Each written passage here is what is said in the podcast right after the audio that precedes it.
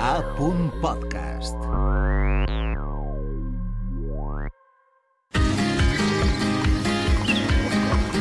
Ben i parlem, un podcast per aprendre valencià amb Aina Monferrer. Bon dia des de Beniparlem, un nou podcast de punts de llengua. Avui ens centrarem en consells per a parlar en públic, ja que sabem que en els exàmens orals molta gent té problemes de nervis i d'inseguretat per por de parlar davant d'altra gent. Ho farem acompanyades de dos comunicadors molt joves, molt professionals i amb unes trajectòries més que interessants. Posem fil a l'agulla presentant els convidats, que són Sergi Moyano i Cèlia Cerezo. Hola, què, tal? Bon dia. Bon dia. Bé, Sergi és més jove que jo. Tu pa pareixes per molt jove, per també. l'estil.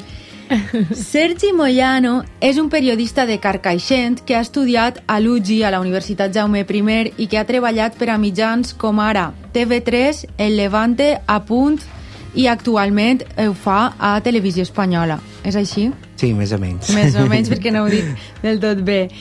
Matisa-ho, Sergi. No, vull dir que al final hi ha col·laboracions concretes i Ja. això, però le- les pràctiques de la universitat... Que és faena, també. També és faena, Clar. també és faena, sí. Per descomptar, jo això ho conto com a faena.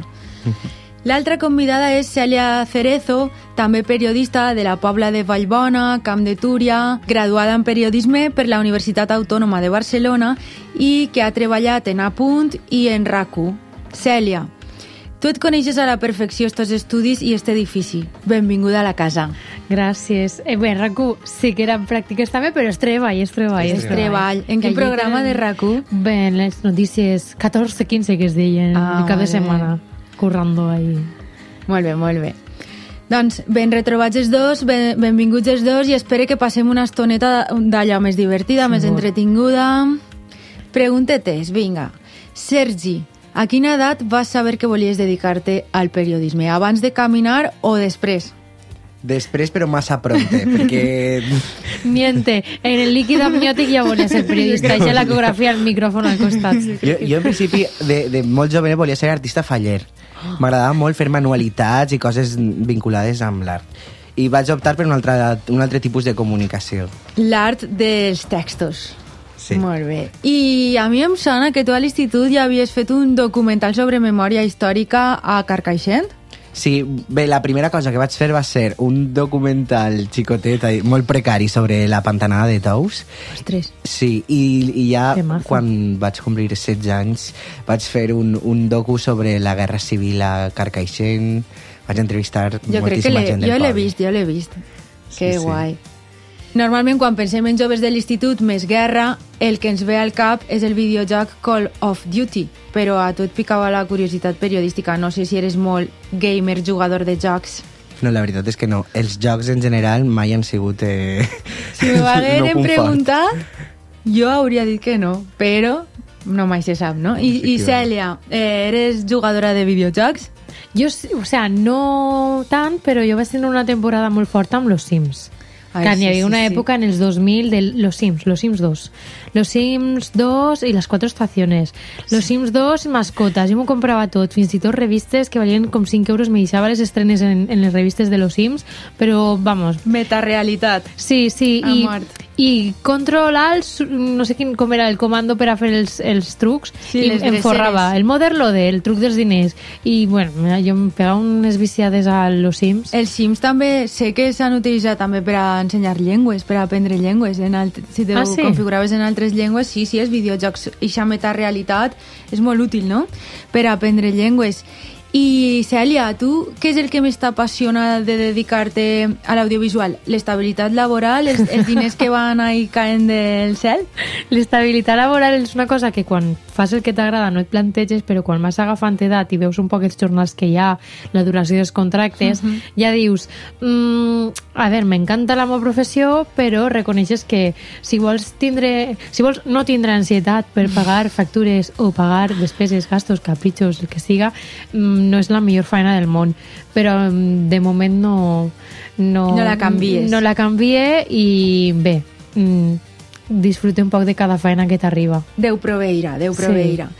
Eh, I imagine que no només parleu valencià, parlareu alguna altra llengua. Sergi, tu, per exemple, quines llengües parles o tens intenció de parlar o has intentat estudiar? Parlar, parlar valencià i castellà, però després també nocions bàsiques de, de francès i anglès. Très bien. Sí, Mm, jo, pues, mm, valencià en primera instància, Sí. el castellà amb espardenyades en valencià, que, que és la cosa més estranya del món, en lloc de dir apoyo dic, dic recolzamiento, Ja és i em quedo preciós. tan ample, i bueno, castellà, um, anglès, el que t'ensenyen a l'escola, i un poc més, perquè m'agraden les llengües, i un poquiu d'alemany, però és que és molt difícil. L'alemany No. és fotut, és fotut. No, no, no. I m'encantaria aprendre gallec, perquè em pareix una llengua molt fàcil i, i és de l'Estat. I per què no aprendre totes les llengües de l'Estat? sí. I euskera és una llengua també molt interessant. Sí. Preciosa. Però Mm, un no poc com l'alemany, plena de declinacions Sí. i coses. És aglutinant també i sí, complicadeta però molt apassionant. És un dinosaure, una Mm. llengua dinosaure, que és molt antiga, no? Vinga, va. Vos hem convidat perquè ens ajudeu a parlar millor en públic, que és la vostra especialitat, entre d'altres. Imagine que... Fins fa poquet. Ai, però això no s'oblida, això és com anar en bicicleta. Si ja ho heu sigut, esteu ahí. Aleshores, intentaré jo presentar un decàleg de consells per a parlar en públic i vos aniré deixant pas perquè el complementeu com a experts, més experts que jo en parlar en públic. Jo parle davant dels meus alumnes i a vegades alguna aparició estel·lar en mitjans com esta, però vosaltres sou proletaris de parlar en públic. Primer consell. Per a vèncer els nervis i millorar la nostra capacitat de comunicar en públic, siga en una conferència, siga davant d'una càmera o en un examen oral, el que cal és preparar-se bé, estudiar el contingut i organitzar el teu discurs. Coneix la matèria a fons per a sentir-te segur o segura el dia de la intervenció en públic. Cèlia, tu què creus? A veure, mm, em donem tips, no? Donem consells per a intentar parlar en públic i no posar-se nerviosos, no? Sí, tu creus que el que he dit quadra? El tema que és de preparar-se la matèria abans? Sí, a veure, jo crec que això és, superimportant, perquè si no t'ho saps massa bé i no estàs acostumada o acostumat a exposar-te públicament, mm. no tens la seguretat de conèixer bé la matèria, perquè no domines el context, no domines la comunicació no verbal i verbal. O sigui que si t'ho prepares molt, molt, molt bé, Millor. tens més nervis, eh, Però també és és millor. veritat que si us dediqueu al periodisme, sobretot al tema informatius, que els dos ho heu fet, Mm. i, ja, i ja el temps corre, juga a la vostra contra, no?, per a preparar-vos com ho feu, per a intentar pareixer que sou experts en temes que són tan dispersos. Clar, és que la, la És complicat. televisió és, és el dissimule, no? Sí, és, Eh, és, és la, la mentida. Sí, aparentar que, que saps del És que estàs enganyar. parlant, etc. A veure, jo crec que hi ha una cosa clau que és eh, tindre clar eh, els ítems, no? el, el, un poc l'estructura de què és el que vols contar i, i a partir d'ahí depenent també del temps que tingues, no cal escriure tot abans de, de dir-ho, però sí eh, un poc tindre la, el fil per a poder contar-ho i al final la millor improvisació és la que es, es prepara, no? Mm, sí, és un poc una contradicció, no?, la improvisació preparada, però mm, començar amb el més important i, i bé, és que te diria que al final mm, ho vas fent conforme practiques, no?, com anar en bici, les primers voltes te caus, necessites les, les rodes de, de darrere, Sí. però després ja tens com una, una forma de funcionar, t'acostumes a articular bé les frases sense travar-te eh, davant de càmera i, i desaviant els nervis, encara que estan. Està tot més automatitzat, però, sí, no? Sí, El segon consell és parlar davant d'un espill i gravar-vos, veure-vos, com faria Pep Guardiola, amb els seus jugadors. Més que davant d'un espill, millor gravar-se en, en, en càmera, en vídeo, perquè tu en un espill estàs veient el moment, no? Però en un vídeo ho tens registrat i pots veure-ho, reveure-ho, tornar a veure-ho, dir per què està mala tinc tan amagaeta, per què no em fique més recte o més recta, per què no alce més la, la mira o entone millor o em somric més. Mm, jo crec que millor gravar-se. Funciona, no? Sí. El tercer consell és conèixer el teu públic, adapta el teu missatge segons qui t'escolta per a connectar-hi més. Sergi, això des de, parlant des d'una tele, per exemple, com ho podríem... A veure, és complicat, perquè els mitjans de masses, no?, que, per exemple, eres televisió pública i t'estàs adreçant a, a, a un públic molt gran i molt divers, és complicat posar-li cara i ulls. Jo sempre eh, intente visualitzar la meva veïna Maria Amparo, eh, pues això Boníssim. és intentar explicar-li les Montiel. coses. Clar. Sí, sí. Sí, no? Com un espectador mitjà que puga sintetitzar no Sí. el més sabut, no el més eh, rústic. Bé, això que he dit no estic d'acord, perquè pot ser molt rústic i molt sabut també, però Clar. com un prototipus generalista. Al final és que se t'entenga i adaptar-te també a, a que hi ha gent que té diferents nivells culturals Mhm. i t'han d'entendre. Però jo crec que d'entrada no cal dir, no, mm, gastaré un lèxic o unes paraules més tècniques. No, mm, jo crec que en els mitjans tot allò que siga tecnicisme ni per a una iaia de 70 anys, ni per a un xiquet de, de 10, ni per a un adolescent de 16, com millor expliques o més planer sigues o més utilitzes els termes més habituals, millor. Clar, més divulgatiu. Si n'hi ha un tecnicisme que, que està... Eh, és notícia o eh, s'ha de dir sí o sí, explicar-ho, matisar-ho. Fer una exemple. paràfrasi, una definició, explicar-ho, no? Beni Parlem, un podcast per aprendre valencià amb Aina Monferrer. El quart consell. Comença i acaba amb força. Una bona introducció captarà l'atenció i et donarà la confiança per continuar i un tancament sentenciós definitiu oferirà una sensació de consistència, de saber de què parles. Seria així, Sergi? A veure, eh, és important, jo crec que quan fem directes en, en la televisió o fem una peça, una notícia, eh, la primera i l'última frase sempre són, són les clau. que sentencien o les que capten. No? La primera Clar. capta, l'última sentencia. I, I també, si, si eres original o... Sí, no sé. Clar, és que el llenguatge audiovisual un, un, el típic, la típica peça en què comences fent tu una aparició en càmera si estàs parlant de les bicicletes muntada en una bici, en lloc de començar locutant bicis que passen, no sé, l'originalitat, l'impacte, no? Al final, tant de TikTok, tant de vídeo breu que impacta com a que te vas adaptant un poc. anem adaptant el llenguatge. Pensem que són consells de periodistes que podrien servir també a una personeta que s'està intentant examinar d'una llengua, en este Mm. cas de València. I ahir el que tenim molt és la qüestió dels nervis, que jo imagino que ja no, vosaltres ja ho haureu superat, Mm. però en algun moment, depenent de quina connexió, Sergi, pot ser que encara sentes algunes cusquerelletes a l'estómac? Sí, perquè al final jo també acabé de començar i, i, i tampoc estàs posat del tot. I els nervis sempre estan, sempre, jo crec que sempre estaran. El que passa és, és, és un poc aprendre a, a domar-los, no? Mm. I, i que no et juguen males passades. I també aprofitar-los, perquè també aquests nervis et donen una capacitat de concentració, no? que vas a mil, Mm. i això també va bé. L'estrès bo que diuen, no? Sí. Jo crec que el que hem comentat, si es graven en vídeo no només veuen els seus defectes o virtuts, Sí. sinó també s'estan exposant a la mirada, que és l'objectiu de la càmera, però Entesos. és, és una forma de... Han d'habituar-se, no? És com una immunització a la vergonya. Com un entrenament. Si poden parlar davant de familiars, entrenar davant d'amics o amigues, també és com acostumar el cos a a aquesta exposició i aquest moment de... D'atenció de, sí, de que et miren, de que has de comunicar, però tant de observar i escoltar i entendre. Sí, sí, parlar en públic jo crec que és fonamental també des de l'escola. Jo recordo que vaig Sí. tindre una profe en, en la ESO que ens, ens eh, obligava a fer-ho i estava molt bé perquè ens deia mira, heu de preparar-vos un monòleg i exposar-lo a classe. Fantàstic. I, I això va molt bé perquè jo crec que per a tots els àmbits laborals eh, va bé saber expressar-se. I és cert que en ensenyament en infantil se treballa molt l'expressió oral, però després en primària i en secundària s'abandona molt l'expressió oral i se centra molt en l'escrit. I, de fet, a França, És per exemple, ara, en, en el que és la selectivitat, l'accés a la universitat, han posat una prova oral.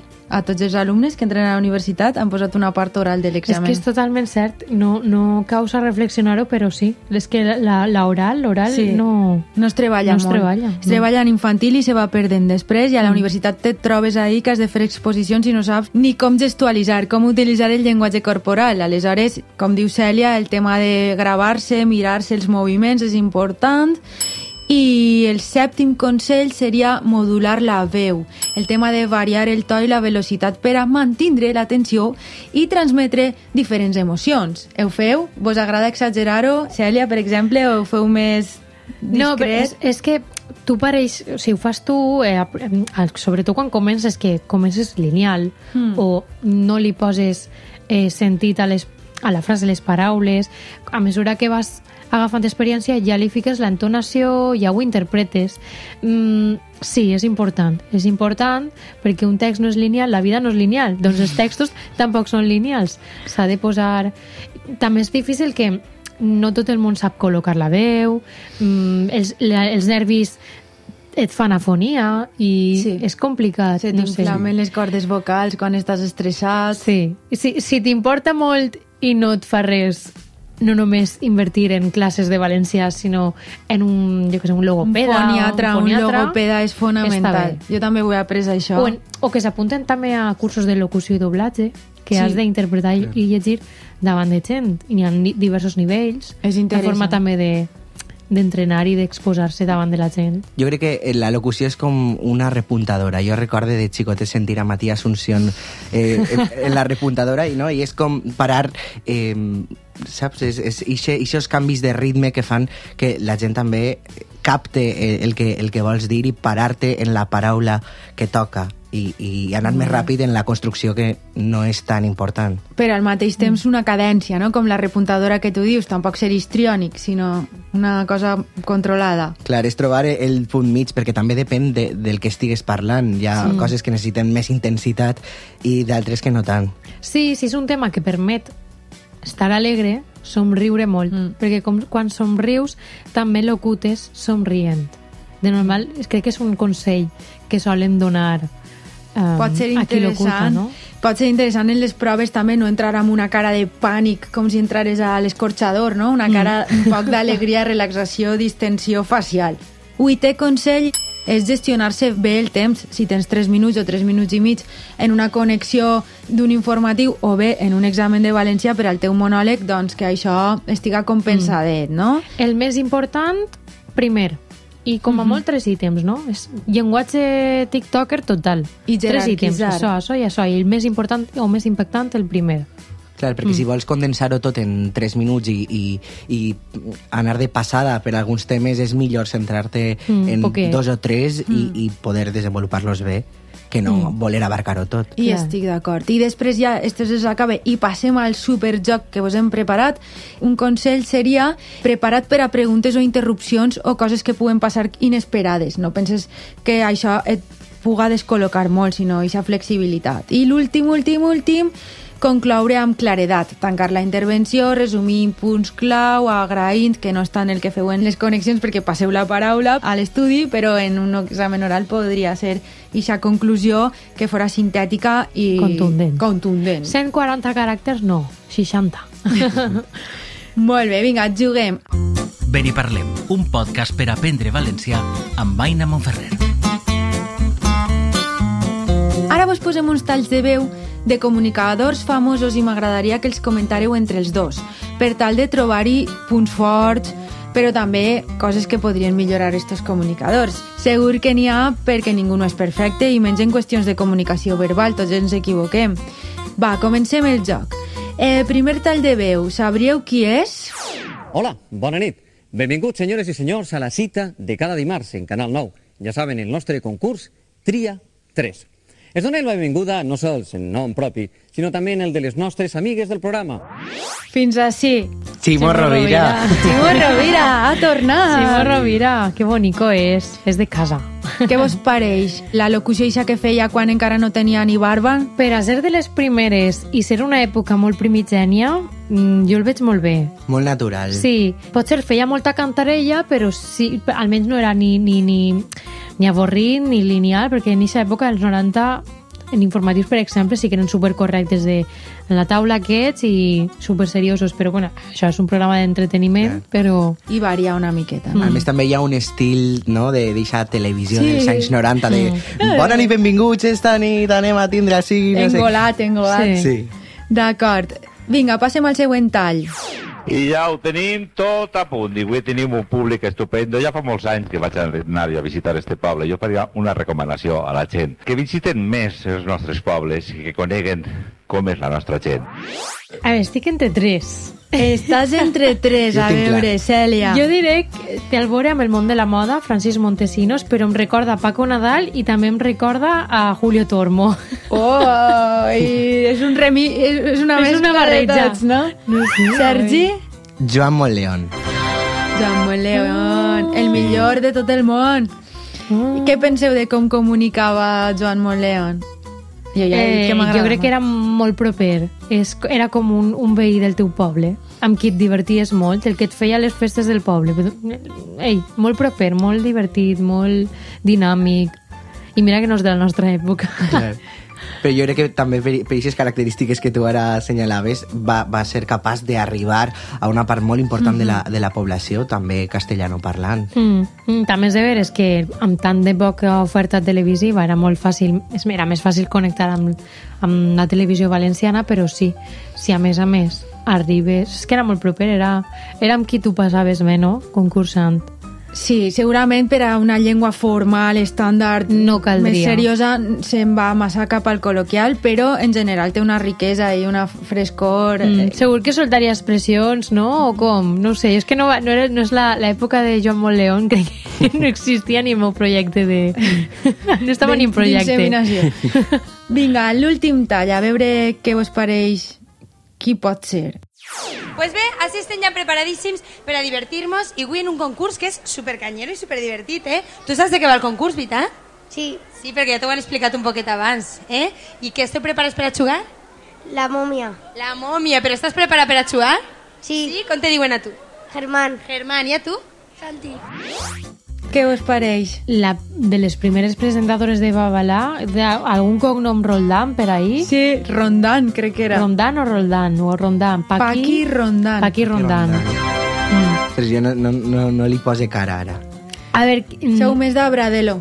sí, nosaltres som de l'època Bradelo, ni de Choni, Poti... Tiriti. Era Choni? Choni? Johnny. Toni, Poti... Johnny, que anava vestit com d'Indiana Jones. És que Sí. jo sóc més, més vella que vosaltres, jo sóc d'eixa època. Nosaltres som de l'època de Babalà en 3D damunt d'una nau, bueno, jo, per lo, almenys, i de Babalà en peluig gegant, Oh. amb Pau i Nina. A mi m'agrada- m'haguera agradat ser de la generació Babalà Pont Aeri. Ahí, Això és la de Paqui. la de No, no, Paqui. sí, sí, crec que és la de Sí, Paqui, sí. sí, sí. Sí, sí, la de la Electro. O era, ja no ho sé, perquè pa, entre Paqui i Abradelo a vegades ahí canvia un poquet, però sí, finals dels 90 Sí, principis Oh. del 2000, no? 2000. i segona meitat dels 90 també jo crec que ja hi havia maquineta en Babalà. Bé, doncs, moltíssimes, moltíssimes gràcies per haver vingut. Cèlia, Sergi, vos emporteu el meu amor infinit Gràcies a i el dels meus companys. I, I, molta sort a la gent que s'examina i que perden la por. Que els que examinen potser estan pensant en l'esmorzar, que Doncs- no es jutgen tant. Sí, sí, Clar. molta sort per a tot el món. I com defensa el meu amic i mestre Joaquim Dols, expert en ensenyament de llengües, i la seva col·lega Roxane Gagnon, un dels mecanismes més potents de l'aprenentatge per mitjà de videotutorials o de vídeos gravats en general és la mimesi, la imitació. Per tant, convé que trobeu comunicadors en valencià amb un estil formal que vos agrade i que intenteu imitar-los. Així millorareu la vostra manera de parlar en públic. Fins així el programa d'avui de Ben i Parlem. Adeu! Adeu. Ben i parlem, un podcast per aprendre valencià amb Aina Monferrer.